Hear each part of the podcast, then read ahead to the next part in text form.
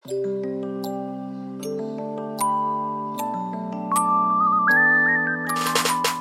ketemu lagi sama aku Ami Kamila di Cerita Dong Ami. Kamu punya cerita, aku punya cerita. Yuk kita cerita bareng-bareng. Dan kali ini aku mau ngebahas tentang definisi pasangan. Eh, siapa yang sudah bareng-bareng gak jomblo lagi coba?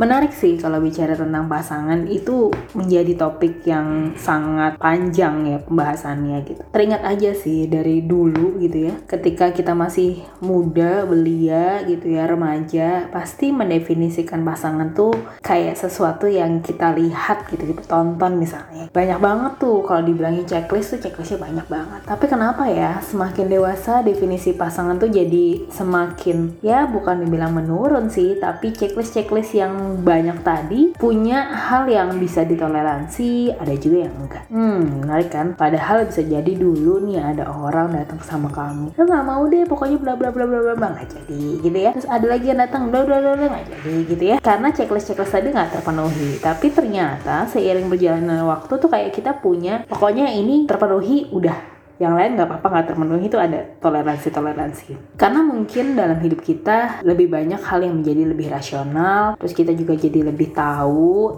lebih memahami dan lebih bijak menilai. Selain itu boleh nggak sih kita sama teman kita berbeda definisi pasangan? Boleh banget. Bayangin deh kalau sama misalnya kategori cantik dan ganteng aja bisa beda banget. Misalnya jalan nih kamu sama temen kamu berlima aja jalan. Terus habis jalan ngomong ini tentang misalnya suatu hari kamu jalan sama temen kamu dan ngumpul di suatu cafe atau restoran. Di saat situ kamu lagi nongkrong bareng-bareng juga ada cowok nih atau cewek yang lewat. Wah teman kamu dia bilang ih ganteng banget. Terus satu temen kamu apaan yang ganteng bla bla bla kebayang nggak sih kalau misalnya definisi ganteng kita sama? Bener banget itu bisa beda-beda. Ada orang yang ngeliat dari fisiknya ada orang yang ngeliat dari hatinya. Ada orang yang udah bosen sama kegantengan jadi carinya yang nggak terlalu ganteng gitu ya. Ada juga orang yang malah pengen punya ibaratnya pasangan yang bisa juga looksnya oke. Okay. semua tuh sah-sah aja guys. Sah-sah aja. Selama itu dibicarakan karena pokok-pokok dari pasangan itu ketika kita berpasangan cuma dua kan muaranya. Satu menikah atau satu lagi berpisah gitu. Kalau mau bersama-sama terus selalu ada caranya. Selalu ada hal-hal yang harus dipikirin. Ada hal-hal sifat-sifat yang dulu kita tutupin. Ya wajar lah. Namanya kita juga suka sama seseorang. Itu pasti kita menutupi hal-hal buruk dong dalam diri kita. Tapi which is ketika kamu sudah menjadi pasangannya,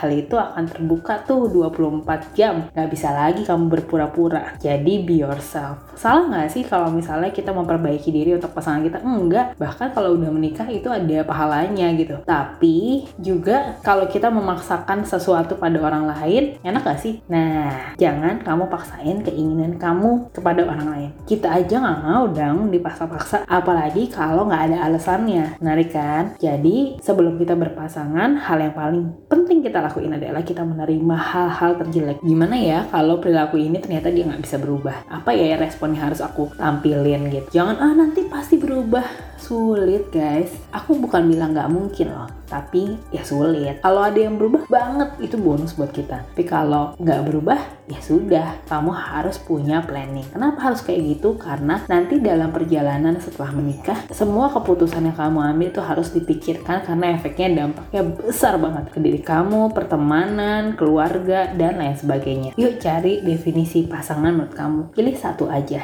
yang kira-kira menurut kamu paling oke. Okay. Dan bukannya lebih enjoy ya. Kalau kita bisa tumbuh bersama. Nggak pernah ada tuh cerita pasangan ketemu bahagia sepanjang masa. Nggak ada. Semua itu by penerimaan by proses. Jadi buat kamu yang sekarang lagi masuk ke fase-fase berhubungan yang serius enjoy the process.